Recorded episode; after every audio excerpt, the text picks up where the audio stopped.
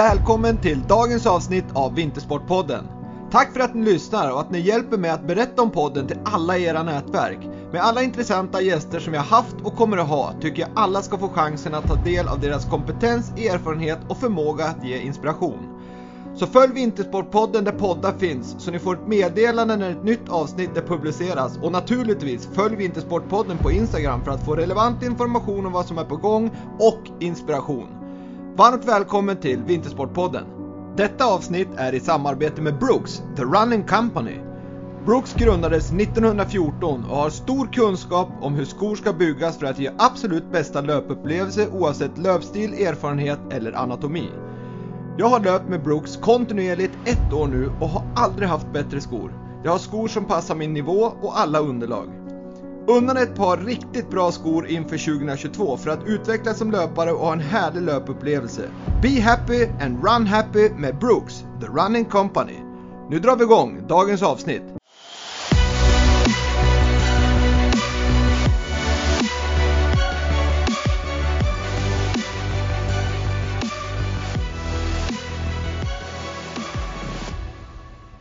Dagens gäst i Vintersportpodden, Tre Kronors förbundskapten Johan Garpenlöv. Varmt välkommen till Vintersportpodden Johan. Tackar, tackar. Jäkligt kul och väldigt tacksam att du ställer upp och var med i Vintersportpodden så här nära in på ett så viktigt uppdrag som OS. Ehm, det är ju inte jättelänge kvar till ni åker. Hur, hur, hur är känslan spontant för dig just nu? Uh, nej men den känslan är bra. Uh, sen, sen är det ju uh, det finns ju ett orosmoln här med Corona runt omkring egentligen allt vi håller på med. Så att, och det får man ju liksom ta med sig hela tiden och, och omgruppera om det skulle hända någonting eller man skulle få någon besked. Så den finns ju där hela tiden. Men jag tycker att vi har gjort jobbet och, och vi ska ta ut den här truppen här nu. Så känslan är bra tycker jag just nu grymt bra att höra måste jag säga. Sen förstår jag att eh, man måste vara världsmästare i att vara flexibel här i de här tiderna med tanke på vad som kan komma och, och vad som kan hända och, och, nya restriktioner och så vidare. Men innan vi går, vi kommer komma in på det ganska mycket mer om ett litet tag, men för att alla som lyssnar här ska få en vetskap om, om de inte redan vet vem Johan Garpenlöv är så är det ju som sagt var förbundskapten för det kära Tre Kronor, det vill säga hockeylandslaget för herrar. Du föddes 1968 i Stockholm, bor i Tyresö. Du har fru och familj. Som dessutom spelar hockey tror jag, din son, om jag inte har tagit helt fel. Han har slutat nu, men han är involverad i Hanviken här som eh, assisterande sportchef där. Ja, vad kul, härligt. Han går pappas fotspår med andra ord. ja, precis. Och sen ska vi säga det, det är väl inte lika som positivt och roligt så, men det är ju stort att du är ambassadör för Alzheimerfonden. Ja, det har jag varit sen min mamma varit konstaterad med Alzheimer och så har jag varit eh, ambassadör för Alzheimerfonder och kämpat för, för det. Och det innebär att du, du ska vara ett språkrör helt enkelt och, och se till att, att det kan komma in mer medel som, som gör att forskning går framåt? Ja, både medel och sprida kunskap. Eh, det var väl egentligen, eh, egentligen det stora som jag kände när jag kom in där att det är så många som inte riktigt förstår vad demens och Alzheimer och kognitiva sjukdomar är för någonting. Och det, det eh, har jag försökt via mina plattformar att förmedla. Och sen är det som det alltid är. När man ska forska så krävs det ju pengar. Och får man in pengar så, så får man forskare och forska på det. Då brukar de vara kunniga nog och väldigt duktiga att hitta lösningar på det. Ja, och det är ju alla är tacksamma och det är ju väldigt, väldigt kul att, att ni som ändå är ett ansikte utåt ställer upp och, och är så viktiga ehm, ambassadörer och, och, du är ju väldigt aktiv på, på Twitter där ser jag på den plattformen så har du ju twittrat en hel del om just Alzheimerfonden och, och dess arbete.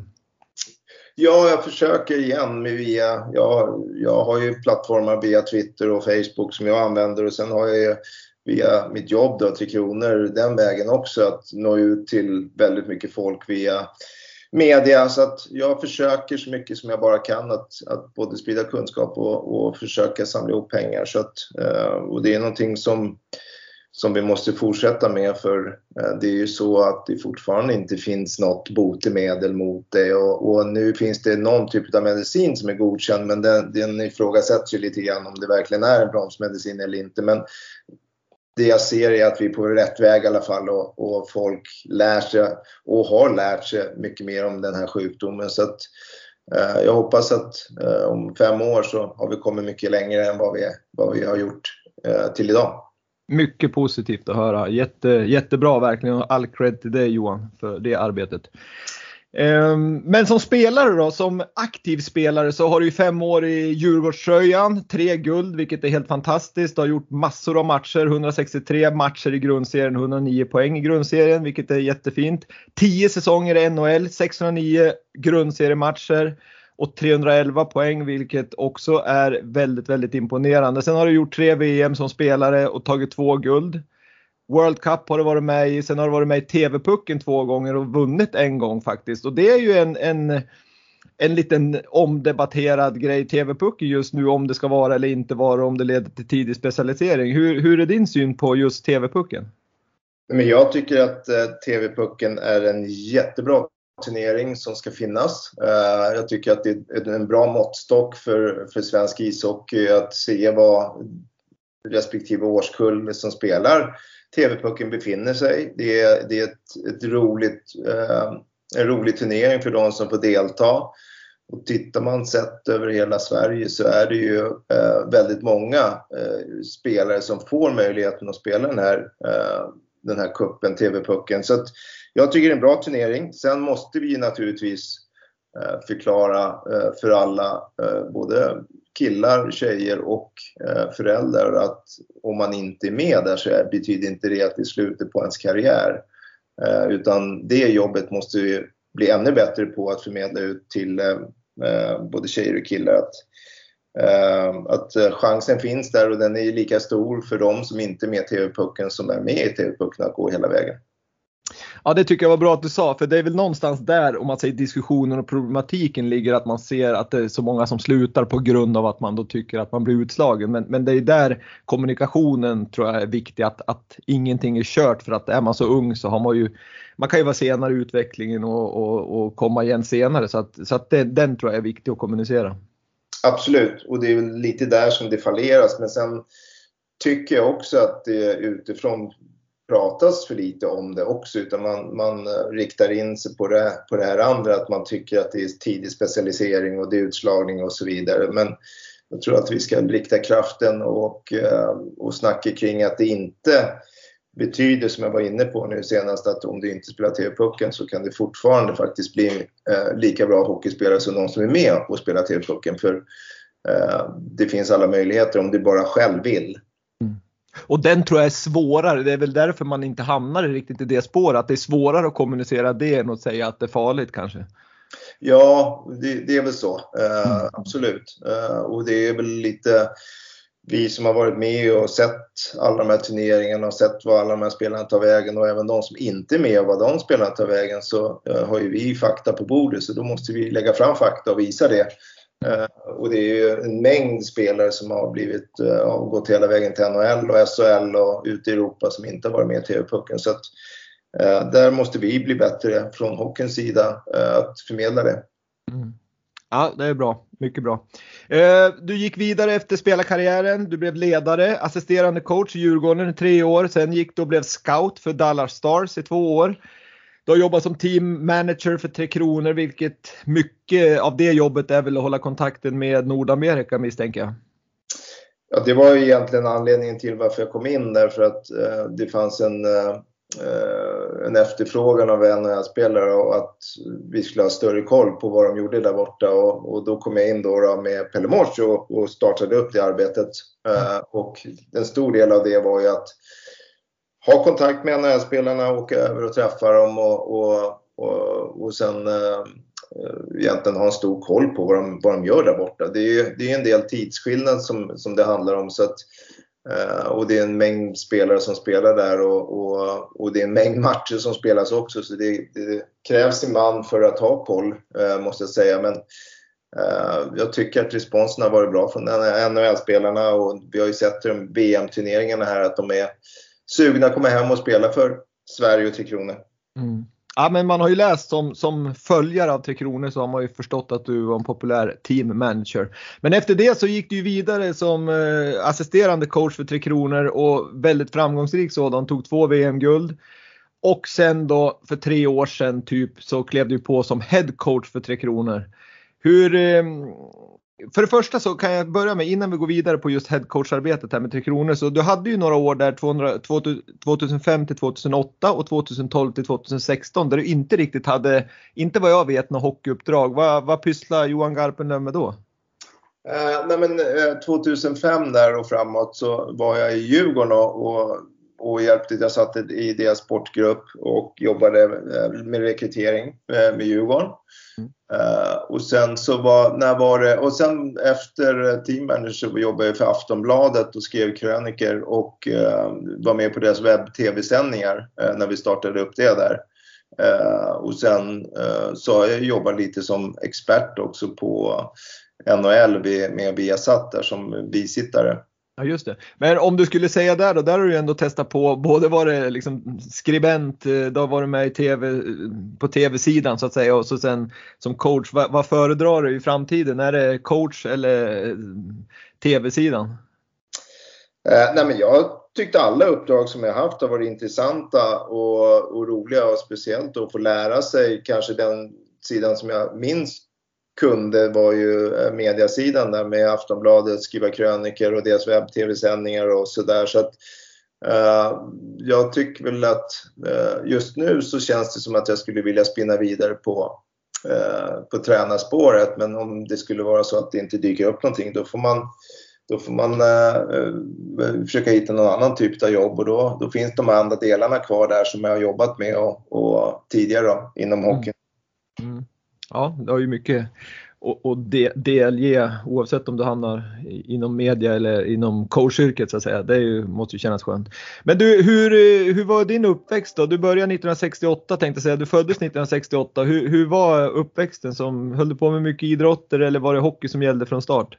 Uh, nej men uppväxten har ju varit uh väldigt bra måste jag säga. Jag har en äldre bror som eh, var idrottsintresserad. Vi bodde i ett radhusområde i Tyresö där det var mycket barn så det var mycket idrott eh, på, ute på gräsmattan. Eh, vi spelade fotboll, vi spelade landhockey. Vi, eh, vi eh, ja, idrottade i stort sett hela tiden eh, och lekte utanför dörren. Haft två föräldrar som har supportat idrott jättemycket bra, eh, eller jättemycket under min uppväxt. Min pappa var engagerad då när vi eh, började eh, hockeyspåret. Och det var i och för sig inte det första vi började med. Min bror var duktig på att testa det mesta inom idrottsväg men hade inte någon ihållighet i det som han började med. Så att jag fick också testa på då i och med att han testade på. Så att, men en vacker dag så när han var åtta år kom han hem och, och sa att han skulle börja spela hockey för det var många i i hans klass som gjorde det och då var det den julafton där som vi fick en hel hockeyutrustning egentligen. Då var jag fem år. Eh, och från det så har det ju varit hockey som har varit nummer ett för mig eh, hela vägen. Mm. Uh, så att jag kan man väl säga egentligen under min uppväxt, även om vi spelade mycket saker på gården och, och kvarteret så var det hockey som var den, den min sport då, som jag satsade på från start. Mm. Och, och du, du, började där i Tyresö, men hur, sen gick du vidare ganska snabbt va, till, till Djurgården? Ja, na, jag gjorde en resa faktiskt. Jag var, började i Hanviken då, då och sen så eh, var jag där eh, några år eh, och då tränade min pappa min bror då, som var tre år äldre, det laget. Så då var jag tränare både med min, min åldersgrupp och även med, med min bror då, när han var tränare där. Så jag fick dubbla pass när jag var yngre. Det, det var ju väldigt bra. Då fick man ju de här, eller man kom ju snabbare till de här 10 000 timmarna. Mm. uh, och sen efter det sen så bytte jag till Älta, en närliggande kommun här. Uh, spelade där i ett par år uh, och sen så gick jag till Nacka som jag tror jag var 12 år när jag gick till Nacka. Något sånt, 12-13 år där någonstans. och sen så spelade jag med, med Nacka hela vägen upp i deras A-lag. och när jag kom upp på A-laget, där hade vi ett samarbete. Vi var i farmarlag till Djurgården. Mm. och då var, ja, var, vart jag överplockad av Leif Båk till Djurgården 86. och så spelade jag Djurgården då i fyra år. och sen så var det fyra år? Jo, fyra år var det. Eh, och sen så därifrån direkt över till eh, Nordamerika och, och NHL och Detroit. Ja, det är en jäkla fin resa. Alltså, om man tittar på uh, åren i Djurgården sen när du spelade i elitserien då, som det hette då. Tog du ju på fem år tre, tre SM-guld. På, på, liksom, det är ju otroligt fin resa. Så sen kliver du in i, i NHL tio år och, och gör också där en väldigt, väldigt fin resa med imponerande man har ju läst om vilka du har spelat med, men om man skulle säga vilken av alla spelare du har spelat med är den absolut bästa? alltså jag har ju sett vilken femma du ingick med i vissa av de här lagen, det var ju helt brutalt. Ja, nej men alltså jag, jag har ju fått den frågan jättemånga gånger och det är naturligtvis jätte, jättesvårt att välja mellan alla de här spelarna i och med att man spelar med så många skickliga spelare. Så att men, men för mig, eh, och det betyder inte att de kanske har varit bästa spelarna, men jag hade ju både den där kedjan där med Larion och Makarov och Krutov var ju mina idoler när jag växte upp och det var de jag satt och tittade på och beundrade och, och, och tänkte att en vacker dag så vill man ju bli, försöka bli när, inte lika bra kanske, men försöka komma så nära som möjligt. Och I San Jose fick jag ju faktiskt spela med båda två så att det året var ju ett, ett jätteroligt år. Både egoistiskt sätt att få spela med sina två idoler men även att, att få spela med uh, de uh, Eh, med det spelet vi hade i NHL då eh, med tanke på att vi spelade rätt så europeiskt i NHL på den tiden var väl inte så jättevanligt. Mm.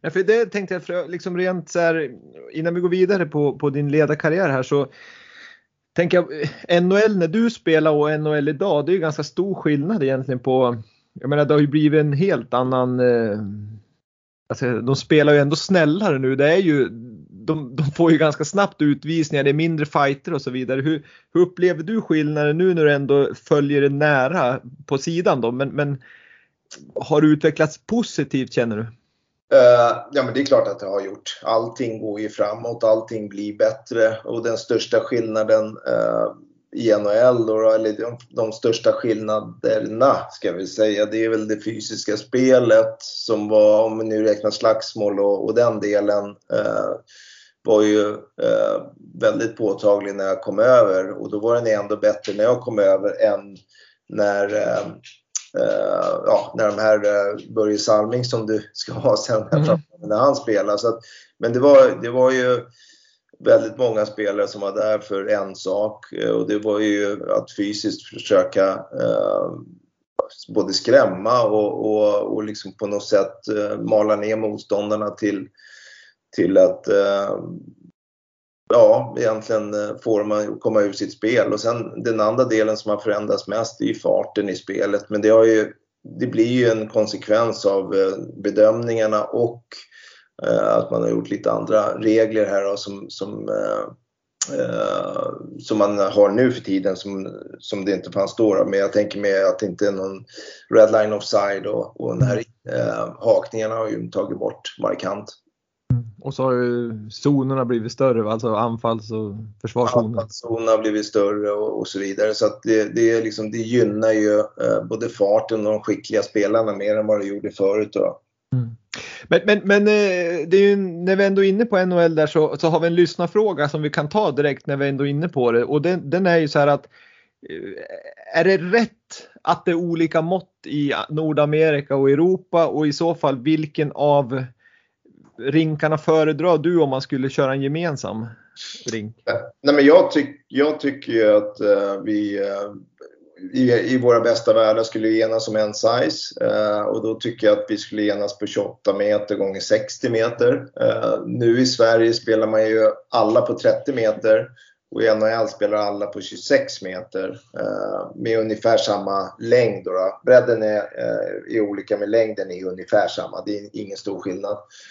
Uh, nu har ju Ryssland och KL uh, 26 och 28 meter. Finland har mycket 28 meter. Tjeckien och Schweiz har mycket 28 meter. Så att det är egentligen bara Sverige som ligger kvar på 30 meter här i Europa. Mm.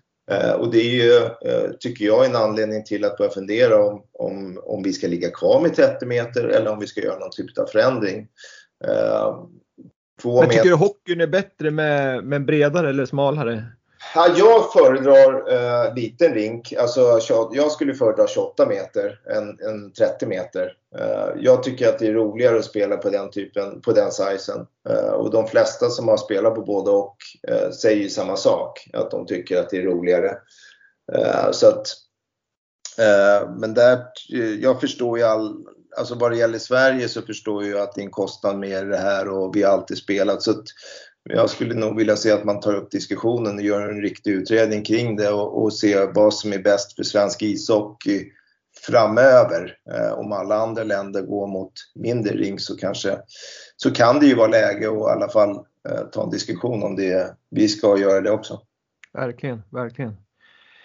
Men du om vi kommer in då på, på ledarkarriären då som du är absolut högst, eh, tänkte säga, du är full fart med ledarkarriären om inte annat. Du, du vill fortsätta och just nu så står du inför ett OS och senare i vår här ett, ett VM innan du ska lämna över stafett, stafettpinnen till Sam eh, som, som tar över som eh, förbundskapten helt enkelt. Men hur, vad anser du vara de viktigaste kvaliteterna för att vara en bra ledare i, i din roll? Eh, nej men det är, eh, det är en stor fråga naturligtvis. Eh, jag, brukar, jag brukar alltid säga att man, nummer ett så ska man ju vara sig själv eh, om man ska vara ledare för annars, så, eh, annars blir man ju synad ganska fort som ledare. Men jag, jag har några saker som jag försöker förhålla mig till. Jag, om man pratar för mig själv här nu då, det är ju att jag vill behandla alla med respekt. Jag, jag tycker alla förtjänar det. Eh, det är viktigt för mig. Eh, jag vill göra rätt för mig, eh, att göra jobbet helt enkelt. Jag, jag, tar ingenting för givet. Jag, jag vill säkerställa att allting blir som jag vill att det ska bli. Och sen så brukar jag säga till mig själv också att man inte ska krångla till det för mycket. För det blir lätt så när man är ledare att man vill så mycket, att man, man tar till sig så mycket av allt runt omkring. Till slut så trasslar man in sig själv i, i, eh, i sitt ledarskap. Så att försöka hålla det så enkelt som möjligt utan att, eh, utan att eh, liksom, man måste ju fortfarande vara nyfiken och, och vilja bli bättre hela tiden. Men, men det är lätt att man bara lägger på saker hela tiden. Jag, tänk, jag tänker där om man som ni som har en, du, du har ju en stab runt om det med de som analyserar och det är materialare och det är liksom eh, läkare och det är fysiolo, fy, fysioterapeuter och allt vad det nu är runt om det. Hur, det är lätt att de går in och blir väldigt så här liksom experter och detaljerad och som du säger kanske krånglar till det på sitt, sitt specialområde. Hur, hur får du till det där att liksom ändå hålla det på, på rätt nivå så att säga? Eh, nej men nummer ett, de vi har plockat in här är ju eh, experter på sitt område. Så är man eh, eh, fystränare så är man expert på det. Är man materialare så är man expert på det. Så jag ger ju det fullt förtroende till dem att, att de får sköta sitt jobb. Sen är det självklart att jag eh, när man jobbar så här tajt, att man ser vad som händer. Och är det någonting som, eh, som jag inte eh, tycker eh, fungerar, då, då tar vi upp det. Och jag försöker ju ha dagliga ledamöten där vi avslutar dagarna eh, med vad, vad som har hänt under dagen och alla får säga sitt. Eh, och man får ställa frågor till dem, eller jag får ställa frågor till dem som eh, är där på det ledamötet. Så att jag försöker dagligen gå igenom dagarna och, och, bara kontrollera att alla är nöjda med dagen och alla har fått det de behöver för att, för att lyckas. Men hur, när du ska dra ihop ditt team då inför eh, ditt uppdrag här för tre år sedan. Hur, hur, hur tänker du då när du sätter ihop det? För jag misstänker att du kan inte ta alla som är exakt lika som Johan Garpenlöv för då blir det ju bra på ett sätt men kanske du har någon form av svaghet också. Men hur tänker du då när du sätter ner och gör den, eh, lägger det pusslet?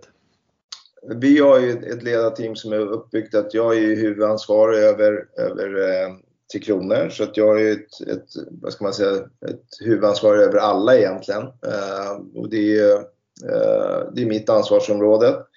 Eh, sen har jag en forwardscoach eh, och vad det gäller den så försöker jag hitta någon som är lite olik mig men tänker, eh, inte rikt, inte exakt som jag tycker och tänker men har ändå en hyfsad syn på hur hockey ska spelas som är snarlik det som jag vill.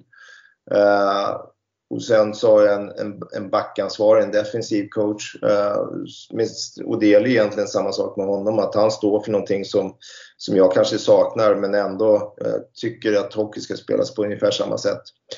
Eh, vi har en videoansvarig eh, som jag, eh, är viktigt att han är tillräckligt duktig och kunnig att göra det här jobbet och tillräckligt social att kunna vara ute hos killarna och förmedla det som han filmar och, och klipper ner och, vi, och ska visa. Uh, vi har målvaktstränare som tar hand om målvakterna som också ska eh, liksom, uh, ja, vara en del i, det här, i den här gruppen och, och, då är det viktigt med rätt personlighet och att han är en duktig målvaktstränare naturligtvis för det kan jag ingenting om i stort sett. Uh, och eh, sen har vi de här andra delarna också. Jag vet inte hur djupt vi ska gå. Vi har en team ja. har två stycken, eller tre stycken materialare. Vi har två stycken sjukgymnaster. Eh, så att vi har ett, ett helt gäng där som, som egentligen eh, vi brukar vara mellan 12 till 18 stycken ledare på Tre Kronor när vi är, när vi är ute och reser. Så det, det blir en stor grupp och, och det är ett,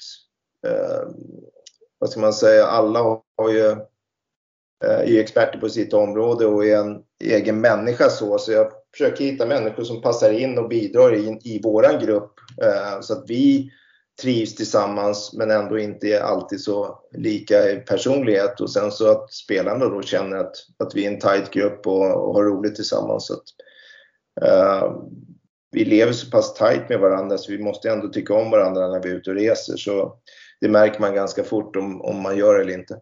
Ja men verkligen och, det, och det, det, det smittar av sig väldigt, väldigt snabbt till, ehm, till gruppen om inte annat. Om, om ni tränare inte drar åt samma håll så kommer ju spelarna direkt känna av det. Precis, och det är väl en, en stor del i det här att man tar in folk som man kan lita på också och, och inte gå bakom ryggen på en. Och det, är, det är också viktigt tycker jag att man att man känner att man kan eh, både lämna över ansvar men även kan lita på de som är runt omkring en.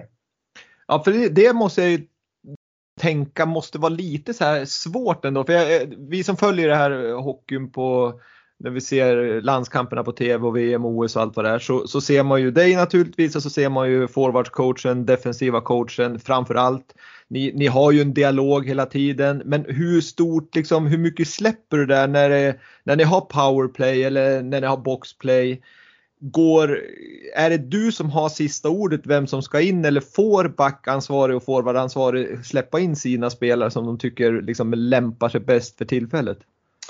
Nej, men de har ansvaret fullt ut, men är det någonting jag ser som jag inte gillar även under match så, så är det klart att jag eh, kommunicerar det med den. Och är det så att jag vill ha in någon som inte han vill ha eh, så är det ju igen, då, då plockar jag in den som jag vill ha. Eh, mm. Men, men, där hamnar man väldigt, väldigt sällan. Utan vi, det här, vi ligger ju eh, och träffas och går igenom de här sakerna så omfattande hela tiden så att vi har ju vridit och vänt på allting egentligen så att det blir ju Eh, att vi oftast är överens vad det gäller det och är vi inte överens så är det klart innan matcherna oftast. Mm. Ja, jag förstår att det, och under matchens gång så är det så mycket, det är ju ganska hett då så att jag misstänker att det inte är så jäkla lätt att kommunicera där när det brinner till en VM-final och, och man ska försöka liksom komma överens där när man har lite tid på sig utan det gäller nog att man vet och känner varandra ganska väl. Ja, och, och det, det, är lite det jag menar. Vi har kommit till en final, då har vi spelat så pass många matcher så då, då vet vi om vad som, eh, ja, vilka olika typer av förändringar som man skulle kunna tänkas göra. Eh, och då tar man en snabb diskussion kring dem i sådana fall och så bestämmer man sig. Och är, är det två stycken, är vi osäkra och, och vi tycker olika då, då, då, är det ju så i och med att jag är huvudansvaret då går vi på, på den som jag tycker då naturligtvis. Men det händer väldigt, väldigt sällan. Mm. Men, men jag tänker att vara ledare, oavsett om du är ledare på ett företag eller inom idrott så är det ju oftast ganska lätt att vara ledare när det blåser medvind och, och livet är frid och fröjd och man vinner och, och, och liksom alla är oftast glada liksom. Men sen VM 2021 var ju inte, kan jag inte tänka mig att alla var så där superglad och media var inte jätteglad och svenska folket hade åsikter och så vidare och, och då hamnar ju du i ganska rejält blåsväder om man får säga så. Men hur hanterar du situationen då som yttersta coach för Tre Kronor? För jag menar dels skulle du ta hand om ditt, ditt enorm, din egen besvikelse och den mediatryck som var. Samtidigt som du skulle agera ledare mot de andra 16 till 18 personerna som, som också var missnöjd och, och blev ifrågasatt och frågasatte sig själv kanske. Men hur, hur, hur jobbar du då? Uh, nej men det, det, det är väl lite då man ställs på prov på riktigt när det inte går som man vill och, och och det gjorde det ju verkligen inte under det VMet. Eh, vi fick ju en, eh, en liten annan resa i och med Corona. Eh, vi fick inte normala förberedelser för det här VMet. Vi, vi fick spelare som kom in till den veckan, nio stycken tror jag det var, som kom in utan att vi hade spelat en match ihop egentligen. Så att, och när de kom in då fick vi tack vare restriktioner och inte liksom träffas i grupp. Vi fick inte göra någon typ av eh, eh na, ha någon typ av gruppprocess med gruppen där vi kunde göra lite olika saker utan man skulle egentligen vara på sitt rum eller bara sitta och käka i 10-15 minuter och sen gå upp på sitt rum igen. Och tiden fanns inte för den här gruppdynamiken. Då. Plus att vi inte fick en träningsmatch inför eh, turneringen eh, med det nya laget. Så att vi ställdes på prov där verkligen i de här två första matcherna där, där vi eh, möter lag som vi ska slå. Eh, och sen så går vi ut mot Danmark och, och förlorar den matchen eh, som inte är jag har själv varit med och spelat VM-turneringar och förlorat mot lag som vi ska vinna mot. Så att det är ju egentligen inte eh, det är klart att man inte vill förlora men det är inte ovanligt att ett Tre Kronor möter ett lag som man ska vinna mot och inte vinner. Eh, det som skadade oss, det var ju när vi förlorade med 1-0 mot Vitryssland dagen efter där vi, jag skulle vilja säga i nio matcher av tio vinner den matchen. Eh, och det har ju hänt förut också att man har förlorat den typen av matcher och då har vi ju satt oss i en, en väldigt jobbig situation. Och det är väl då någonstans vi sätts riktigt på prov, både jag som ledare och huvudansvarig men även laget. Och det vi gjorde där, det var väl egentligen inga stora och jättekonstiga grejer. Eh, det var väl egentligen att vi, vi hade ett lagmöte dagen efter. För vi spelade back-to-back, -back. vi spelade två dagar i rad. Då finns det inte så mycket tid att göra saker på. Eh, och sen hade vi en dag ledigt och så hade vi match igen mot Schweiz. Så att den här dagen eh, mellan de här matcherna så tog vi ett, ett lagmöte. På kvällen, jag ska starta med egentligen på kvällen före efter matchen där så, så eh, fick killarna eh, samlas och ha sitt möte, bara killarna. Och sen dagen efter så hade vi möte med killarna där vi gick igenom vad vi tyckte eh, inte funkade eh, från ledarnas håll och mitt håll. Eh, och sen så eh, därifrån sen så, så gör vi, tycker jag, eh, en bra turnering med de fem sista matcherna där gruppen kommer ihop och tillsammans och man hittar ledarna i gruppen som är så viktigt. Eh, för det finns alltid ledare i varje grupp och det gäller ju bara att de ledarna då eh, eh, kommer fram till ytan och driver laget. Eh, så vi vinner ju tre av de här fem matcherna, förlorar en på eh, straffar mot ryssarna och förlorar en eh, över full tid mot tjeckerna där vi leder med 2-0 inför tredje. Så att vi gör fem bra matcher på slutet men de här två första matcherna och speciellt andra matchen skadar oss. Så att, en lång, ett långt svar på din fråga men det jag försöker göra egentligen är ju, det man måste göra det är ju, det är liksom att sätta sig ner och titta på Eh, vårt spel som vi hade. Var det någonting i vårt spel som var anledningen till att vi inte vann? Eh, eller var det prestationen hos spelarna och vi som lag som gjorde att vi förlorade de matcherna? Eh, hur stor del var det att vi inte hade spelat den här träningsmatchen och gruppen inte hade liksom kommit långt i den här gruppprocessen? Eh, och sen liksom försöka nysta i det här och på något sätt hitta rätt i det. Eh, och det tyckte jag att vi gjorde faktiskt och spelarna hittade rätt i det här också och hitta rätt i gruppen och, och förstod vad vi behövde göra. Så att, och sen att jag som ledare inte gömmer mig för det här utan jag står upp för laget och, och står först i ledet och, och, och visar att vi, vi kan vända det här. Eh, jag kommer, jag kommer stå först och hjälpa till så mycket jag kan. Eh, jag kommer ta medias och ta de frågorna som jag får och, och, förklara det jag kan förklara. Och sen så måste vi liksom ta nästa steg i det här och, och liksom, vi kan inte lägga, lägga oss ner och dö utan vi måste gå för, för möjligheten att ta oss till den här kvartsfinalen. Det var inte långt borta att vi klarade det. Nej, och det gjorde du ju jäkligt bra. Det måste jag ju säga att du, du, du klev fram, du visade vem som var ansvarig och, liksom, eh, och verkligen tog den rollen och inte stoppade huvudet i sanden. Och det, det ska du ju ha all heder för tycker jag. Men, ja, det måste man göra tycker jag när, när, ja. när det inte går som man vill. Då måste man stå där och förklara. Men det är det jag menar lite grann med att det är lätt att vara i medvind. Då är det många som vill stå där och bli intervjuad men det är ju färre som vill stå där när det inte har gått som man har tänkt sig. Ja, och det har det ju funnits genom år, absolut. Ja. absolut. Men du, jag tänker på den då som inte var den turnering som du kanske kommer minnas mest positivt av i alla fall när du summerar din tränarkarriär här om x antal år. Men, men någonting, allt som inte går bra kan man ju lära sig någonting av. Är det, vad är det du liksom plockar med dig inför OS om det skulle hända liksom samma situation i OS att fasiken det blev inte som vi hade tänkt oss. Har du då liksom reflekterat tillsammans med tränarteamet och eh, de spelare som kommer bli uttagen hur, hur ni ska agera vid, vid en sån situation? Eh, ja, det är klart vi, vi gör ju efter varje turnering en utvärdering av, av den turnering vi har spelat. Eh, så att, eh, och det gjorde vi ju naturligtvis med VM och kanske ännu mera och ännu mera noggrant med VM-turneringen. Och då lär man sig ju massor av det som du säger. Oftast är det ju så när du förlorar så, så lär du ju mest egentligen av både dig själv och laget och hur, hur saker och ting funkar. Eh, så att vi gjorde den utvärderingen och det vi lärde oss och tog med oss det är ju rekryteringen eller spelarna som vi plockar in. Om vi har möjlighet att välja ska ju vara rätt naturligtvis. Eh, och då handlar det inte bara om det hockeymässiga, det är en personlighet i det här. Och, eh, så att man så fort som möjligt kan få ihop den här gruppen för vi har ju inte tiden som man har i ett vanligt lag att, att forma en grupp utan det, det smäller ju bara till och sen spelas det sju matcher på tio dagar. Eh, och då finns det inte så mycket tid att göra andra saker än att förbereda sig för nästa match. Ja, för jag, tänkte, jag tänkte precis fråga just om uttagningarna där, hur, hur, hur, du tänker. För där är det ju liksom, ja visst du kan ju välja om du ska ta ut en uh, trupp på 25 pers eh, liksom.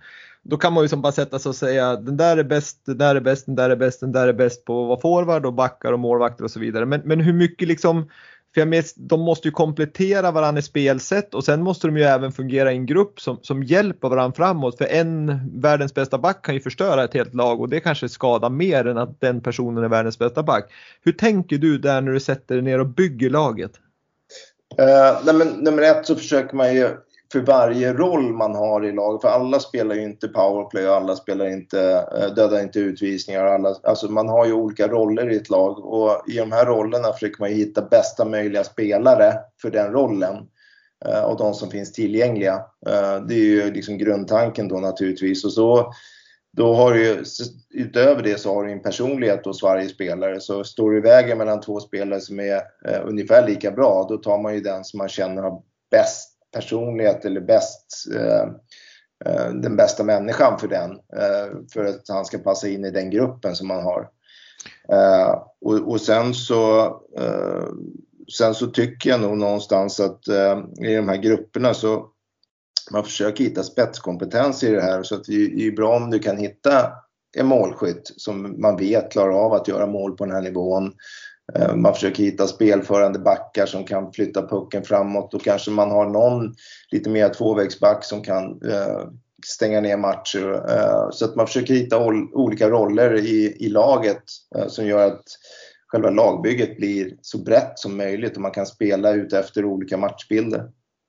Men innan då, alltså när ni sätter inför varje turnering, eller jag misstänker att det här finns lite eh, nedskrivet så att säga.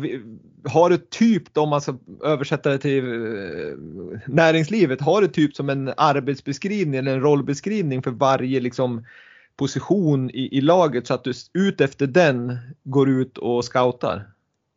Ja, man har ju eh, kanske, man säger väl att man, och det är egentligen ute efter de här eh, olika rollerna som man har, som man försöker leta spelare. Eh, och då har vi ju ett powerplay som, man, som ska spelas och då vet vi att i ett powerplay så behöver man en viss typ av spelare för att vara lyckosam och då försöker man hitta eh, den typen av spelare. Eh, och då har man ju olika eh, Ja, det finns ju ett gäng olika spelare, eller en mängd spelare som klarar av att göra det. Då försöker man gradera de spelarna utefter vad man har, har tillgängligt och ta de bästa där. Uh, och det är samma som när man dödar utvisningar, att man ju tänker ungefär samma sak. Sen finns det ju uh, andra delar i det här, left-right, uh, eh, det finns ju storlek, fart, alltså det är många delar som man, som man försöker liksom få in i det här lagbygget som gör att laget eh, blir bra då, då helt enkelt. Eh, och som igen kan spela olika typer utav spel. För det, Ibland är det att man har ledning och ska försvara sig, ibland tvärtom att man ska jaga. Så det är olika spelartyper som, som kan bli viktiga i olika typer av matcher. Ja, det är, det, det är inget enkelt pussel att lägga det där. Det är en 2000 bitars pussel känns det som att få, att få ihop det. Men om vi tar nu då inför den här härliga och viktiga turneringen OS som kommer här inom kort. Hur, hur, hur tänker du där då? Liksom, du, du säger ju att det finns, man, man, ibland behöver man snabba spelare, ibland behöver man större spelare, ibland behöver man de som kan döda och ibland behöver man de som kan jaga och så vidare.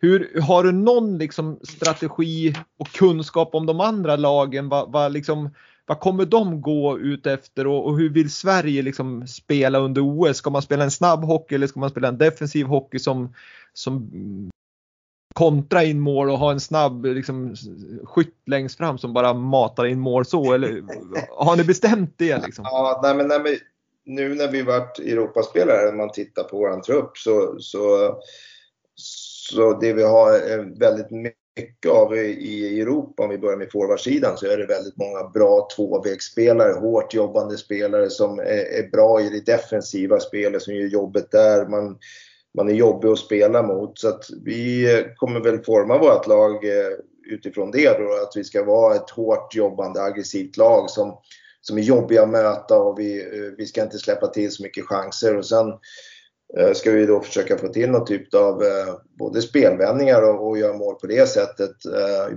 via omställningar men även ett powerplay som kan göra lite mål och sen då med, med ja, våra starka backar då med spelskickliga backar att vi ska försöka ja, försvara oss på ett bra sätt. för backsidan tycker jag ändå ser ganska så bra ut här i Europa med spelskickliga spelare och smarta spelare. Eh, så att där har vi, tycker jag, plus på många andra länder vad det gäller backsidan. Och sen målvaktssidan ser ju stark ut för oss med, med de målvakterna som står här i Europa eh, och gör det bra dagligen. Så att, eh, spelet utan puck, försvarsspel, aggressiviteten, eh, jobbiga möta och sen försöka eh, via omställningar skapa lägen då och även försöka få ihop ett bra powerplay låter jättebra det faktiskt. Men, men jag tänker på det ändras ju här i, i höstas då, då var ju det klang och jubel och, och NHL släppte till och alla spelare skulle få komma och det skulle bli väldigt härlig turnering så om man tänker på att, att vi får se hockey med de absolut bästa spelarna vilket eh, jag vet att du också uttalar att det är viktigt för hockeyn att, att man har sådana turneringar där de absolut bästa får, får visa upp sporten. Så.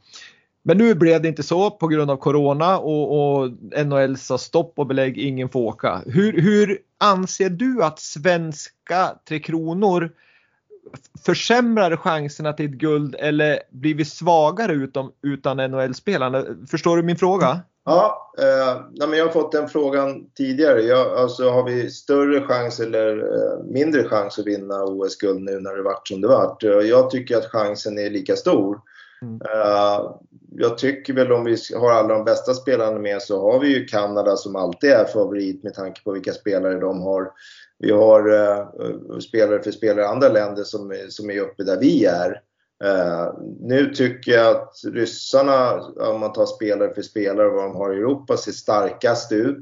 Jag tycker Finland ligger där tätt följd och sen tycker jag att vi andra länder ligger bakom där och tampas om det. Så det är ungefär samma Eh, situation. Sen har vi olika typer utav lag nu då, naturligtvis. Nu har vi ett mer kanske mer defensivt lag eh, och ska vinna på det sättet. Eh, om vi hade haft eh, alla spelare med från NHL så kanske vi hade varit lite mer offensiva och kan vinna på det sättet. Så det, det, är en liten annan fokus på hur vi ska vinna matcherna eh, mellan de här två lagen men chansen är lika stor men, men då, då, apropå det vi pratade om tidigare, hur man bygger laget och, och, vilka spelare man har tillgång till, så har det varit lite, jag ska inte säga debatt, men det har diskuterats i alla fall i, i Hockeykväll och, och i tidningar om att vissa tränare och, och och, sådär, och lag har varit ute och sagt att de tycker inte att sina spelare ska åka. Sen har det väl svängt lite grann på slutet och säger att de lyckönskar sina spelare om de blir uttagen. Men, men känner du att du har de spelare som finns tillgänglig, kan du välja och vraka där eller finns det ett motstånd att de inte vill släppa dem på grund av att de är rädda att de blir satt i karantän där borta i Kina? Eh, nej men alltså nummer ett eh, vad det gäller eh, vad, vad tränare, sportchefer, journalister eller vem som helst vid sidan om tycker och tänker om det här. Det, det struntar jag fullkomligt i. Det som är viktigt för mig är att spelarna vill åka dit och det finns ingen tränare eller sportchef eller någon som kan stoppa en spelare för att åka till OS. Och det, det finns ju ett avtal mellan internationella och eh, IOK och så vidare. Så, så det är klart och tydligt. Sen kan det bli så att det blir en smittspridning som gör att man inte åker dit, men det är en annan sak. Uh, jag är mest intresserad över att spelarna är så positiva som de är. Uh, och, och jag, det finns någon eller några spelare som har tackat nej på grund av olika anledningar. Eh, men, men jag skulle säga att 98 eh, av de som jag har pratat med är jättepositiva till att få åka och spela ett OS för Sverige. Mm. Och det låter ju toppen, för jag menar det är ju det finaste man i princip kan göra. Dels att representera Tre Kronor och, och vara med i en OS-turnering, så det känns väldigt, väldigt naturligt. Men, men jag, jag vet ju hur OS-reglerna funkar och, och, du har ju fått skicka in någon form av bruttotrupp här ganska tidigt, att du fick dra upp en lista som skulle i princip få akkreditering då, och så sen jobbar du utifrån den och det vet jag att du har gjort vad det gäller NHL-spelare. Sen har du gjort något eh, europeiskt scenario. Men, men det finns ju även spelare som kanske efter det går från NHL eller AHL och kommer till Sverige och ska spela. Hur, hur, har, har man varit flexibel från internationella olympiska kommittén att ni får möjlighet att ändra det dels på grund av det och dels på grund av om det nu uppstår att tio stycken skulle bli smittade innan ni ska åka. Kan du då få in tio nya? Ja men det, det kan jag få. Eh, med, och, och, då får vi hoppas att alla de här spelarna som inte blir uttagna gör det de behöver göra för att vara reserver med tester och så vidare. Men eh, vad det gäller svar på din fråga, de som har, vi har ju sökt eh, att vi ska få eh, addera de här spelarna som kommer hem då, då på, till den här europeiska listan. Eh, ja, det är ganska lång tid, vi började med det i höstas. Eh, och det handlar ju om mest egentligen för att vi inte fick sätta upp dem på den europeiska listan när, när vi väl gjorde de här listorna. Eh, och då när de kommer hem igen under, under säsongen så tycker vi då, då, i och med att vi kanske har flest spelare i NHL och, och chansen är störst för oss att de kommer hem under säsongen, det har de gjort flera år, så borde vi få addera de spelarna som vi då vill addera. Eh, men jag har inte fått ett hundraprocentigt ja, men jag det jag hörde senast var att det var väldigt positivt till att vi fick göra det. Så att, eh, och jag hoppas verkligen att, att det blir ett hundraprocentigt ja här eh, framöver. Så att, Men det är IOK, alltså internationella, internationella olympiska kommittén som styr det eller internationella hockeyförbundet? Ja, det är de tillsammans gissar okay. jag. Och sen är det en inbjudan som ska göras till Kina för visum. Så att det, det, Kina är en del i det där också. Men, mm. men eh, det är många olika delar i det här som gör att att, eh, att det tar tid helt enkelt. Ibland är systemet trögt och det har det varit i det här fallet. Men det brinner lite grann i knutarna då, för jag misstänker att eh, det där vill du ha svar på innan den 21 januari när du ska presentera truppen. Ja precis, det är så fort som möjligt naturligtvis är vi glada eh, att, att få veta om, de, om vi kan ha med dem eller inte. Så att, eh, vi, jag har kontakt med mina, mina chefer om, om det var dagligen. Mm. Jag förstår det. Jag förstår det. Men eh, om, vi, om vi går in just på, vi har ju pratat OS nu och, och hur ni spelar med, med de här europeiska spelarna kontra liksom att ni blir lite mer defensiv än om ni hade haft möjlighet att ta in NHL-spelarna utmaningarna under OS här med covid och så vidare. Men hur står du här i uttagningen? Jag, jag har läst någonstans om att du ska ha 25 stycken om man säger i truppen. Sen misstänker jag att du kommer ha ett antal reserver. Men, men hur står du i uttagningen? Känner du att du är 95% klar redan nu eller? Ja, det tycker jag. Jag tycker att vi är eh, eh, kanske mer än det. Vi, vi, det känns som att vi eh, eh, med det vi har tillgång till och, och, kan välja mellan så har vi tagit ut en, en bra trupp. Sen, sen, finns det alltid någon eller ett par spelare på slutet som man diskuterar kring. Så att eh, på fredag så vet vi svaret helt enkelt. Är det många, naturligtvis, är det många liksom missnöjda personer som, som får ett nej från dig och som, som blir överraskade eller har det varit ganska tydligt tidigt vilka 25 spelare som, som, som du ska jobba med? Nej, men det, det, tycker jag nog inte. När det, det finns ju säkert en 35-40 stycken där som skulle kunna tänka spela eh, beroende på hur man tycker och tänker och vem man väljer och skador. Och det finns ju massor med saker som gör att den här listan kan bli annorlunda. Men eh, Eh, det är klart att alla eh, vill eh, åka och spela ett OS och få möjlighet att, uppleva det. Så det är klart att man kan bli besviken om man inte får åka dit. Och det det är, det är någonting som man helt enkelt som ledare får ta. Det, man är aldrig glad att förmedla något beslut till någon som inte är positivt. Så att, men det är en del i det vi håller på med. Vi försöker forma ett lag, bästa möjliga laget. Och då får man helt enkelt inte tänka på någon person i fråga utan bara egentligen tänka laget och lagbygget. Mm.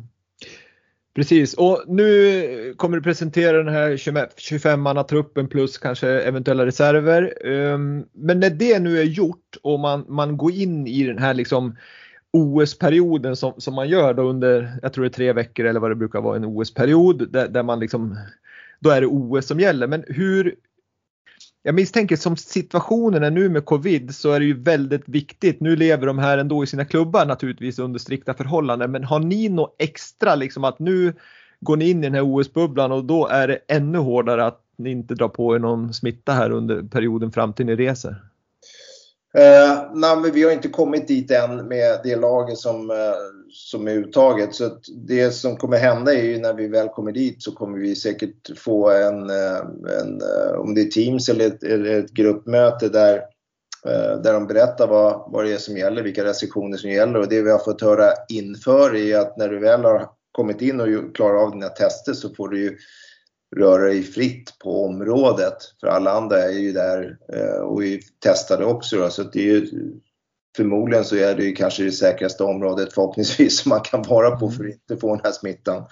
Men det är klart att man försöker, eh, och vi vill ju att spelaren ska agera lite som man gör hemma. Att man försöker tvätta händerna, man försöker inte vara så nära andra människor så, som det bara går helt enkelt för att undvika smitta. Men gör ni något extra? Jag tänker på eh, många som jag intervjuar i den här podden är ju längdåkare, skidskyttar och, och även alpinister. Men jag vet att där är man ju väldigt rädd och jag skulle kunna tänka mig att de sätter upp ännu, även om man får röra sig fritt där inne på i OS-byn och OS-området så, så kommer troligtvis de leva i en ganska tydlig bubbla ändå. Kommer ni göra några ytterligare svenska restriktioner eller kommer ni följa det som är där?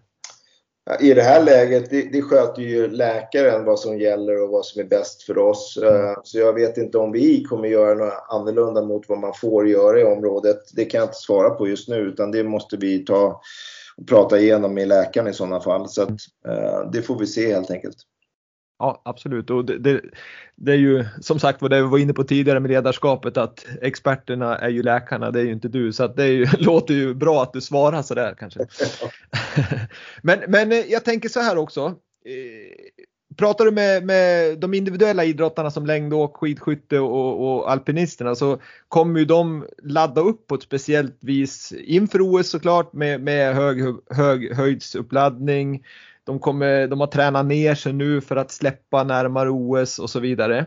Hur, hur eh, jobbar du som i en sån här jag menar de, de kör ju SHL-matcher och KHL-matcher och eh, vart de nu spelar ända in till att ni åker och så, då styr inte du över dem. Hur, hur kommer du jobba för att toppa den fysiska formen? Nej, men toppa den fysiska formen, den, den kan vi ju inte toppa eh, i och med att vi har inte tillgång till spelarna utan de spelar i sina lag eh, och då, då får inte vi vara där inne och peta utan då tillhör de ju det laget de spelar i.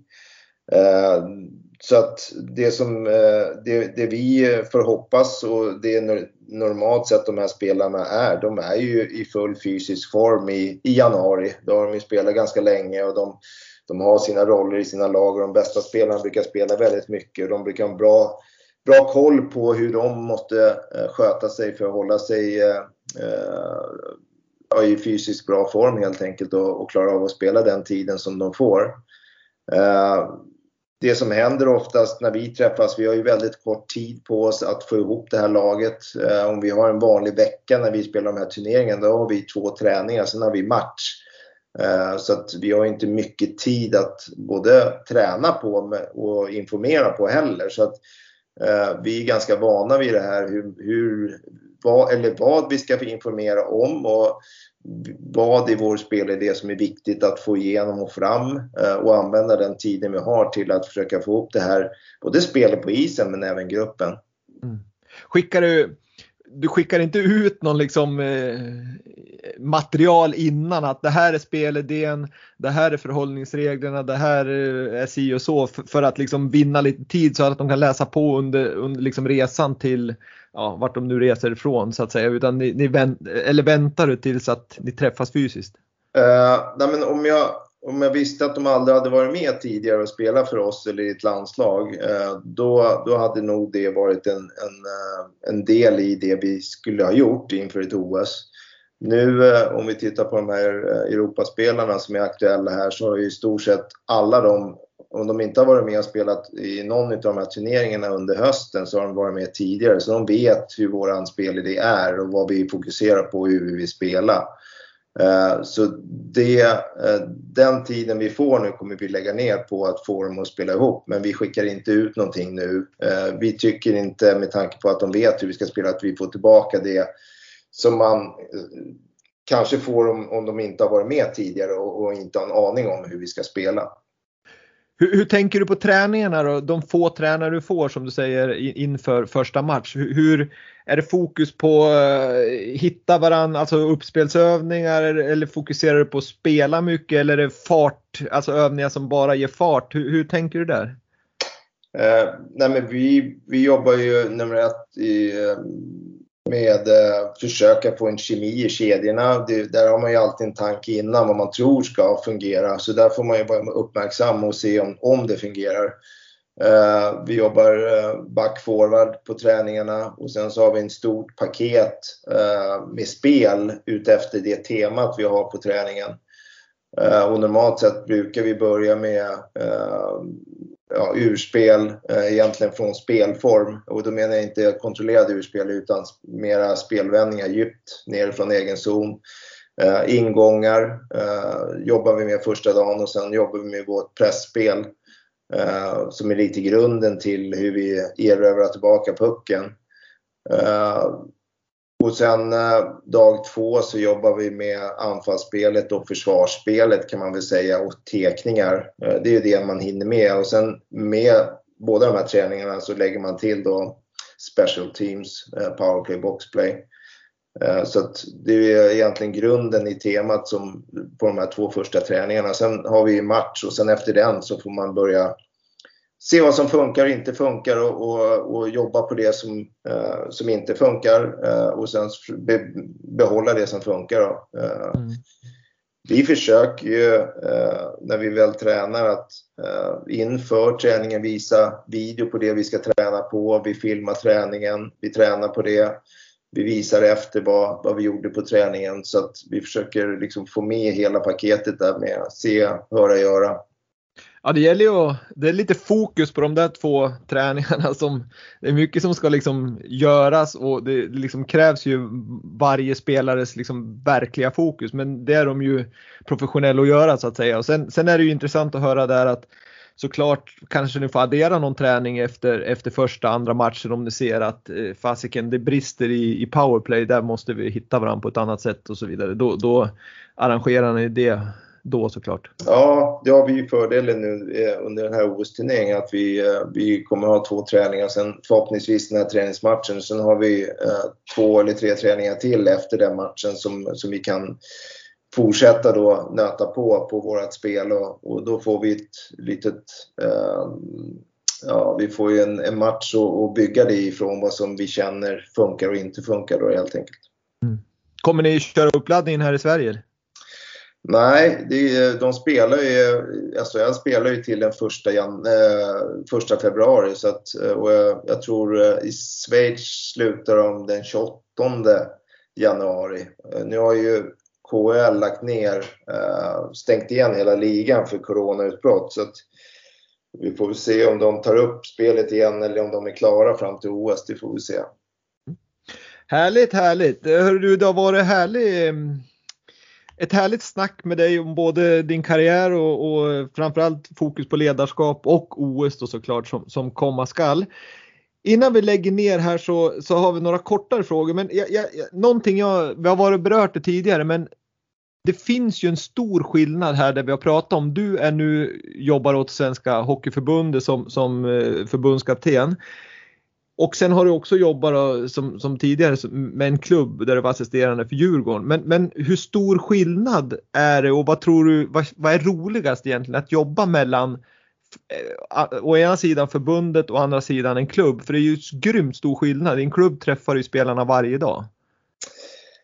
Nej, men det är två helt olika saker som, som, uh, att vara tränare för. Uh, det jag håller på med nu, det är ju väldigt lite träning utan det är, det är egentligen uh, lagbyggande som man håller på med och scouting uh, vad det gäller hockeymässigt. Och sen när det väl blir turnering då, då går det ju på högvarv i en, två eller tre veckor beroende på vilken turnering du spelar. Eh, det finns inte tid att göra så mycket saker, förändra saker, utan det handlar mer om fingertoppskänsla, att, att liksom, eh, skapa en bra miljö där du får spelarna att spela sin bästa hockey och sen så som tränare att du skapar en miljö att de tycker det är kul att vara där och att du har den här fingertoppskänslan, vem som ska spela med vem och, och coachningsmässigt att sp rätt spelare på, på isen i rätt tillfälle.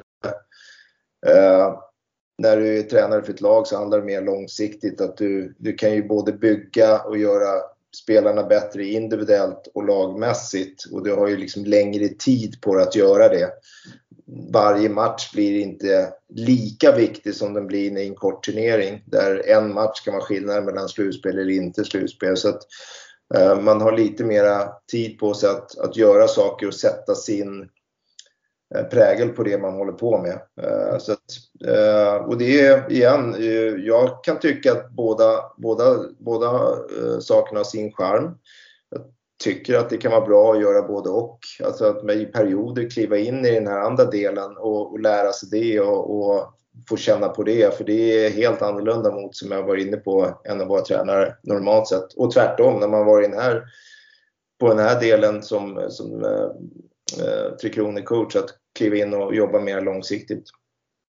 Är det mm, nästa uppdrag du tar här nu eftersom du, ditt kontrakt går ut här efter VM i, i vår här. Ehm, kommer det, om du nu får ett uppdrag, är det en klubb du vill till eller skulle du kunna tänka dig att ta något annat land som förbundskapten?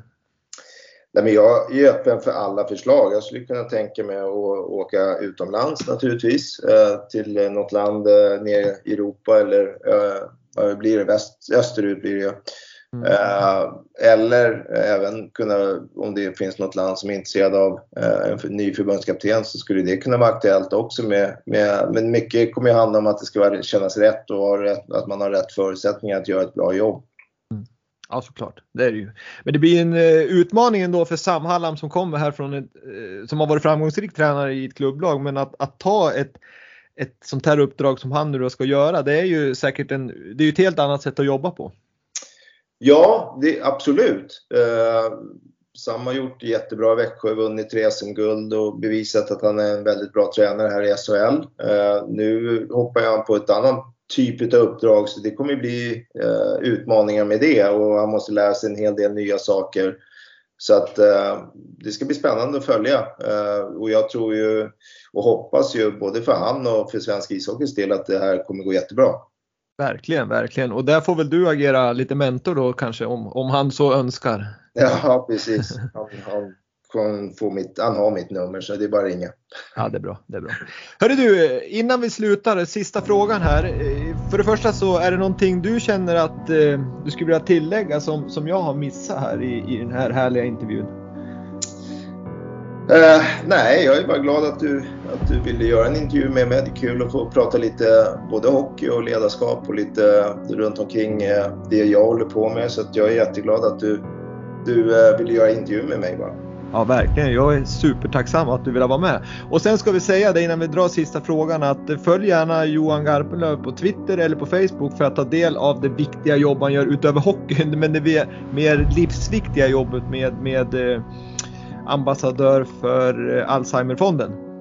Ja, det får de gärna göra. Ja, de får gärna gå in och, och både stötta och, och förmedla eh, vad heter det, budskapet är att vi behöver lite mer pengar eh, och forskningen helt enkelt. Verkligen viktig, viktig fråga. Absolut. Innan vi slutar nu så ställer jag samma fråga till dig Johan som jag ställer till alla andra gäster i Vintersportpodden och den är lätt att besvara och den lyder så här. Kan du säga en framgångsfaktor för att lyckas med idrott? Uh, nej men det är att man brinner för det man gör. Att man själv verkligen vill göra det. Eh, den idrott man håller på med. Eh, gör man det så, så eh, kommer man, och det, då kanske är ett ord, det är passionen för det man håller på med. Men, men man måste älska det man gör för annars så kommer det inte, ja man kommer kanske ha kul men det kommer, man, för att gå långt måste man ha det helt enkelt. Låter mycket klokt från en klok herre.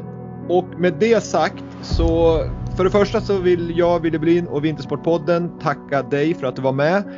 Lyckönskar dig för det första på OS här som komma skall inom några veckor och så sen VM i vår och så sen naturligtvis det nya uppdraget som du tar an eh, efter ditt uppdrag på Svenska Hockeyförbundet. Stort, stort lycka till och stort tack Johan Garpenlöv. Jag tackar.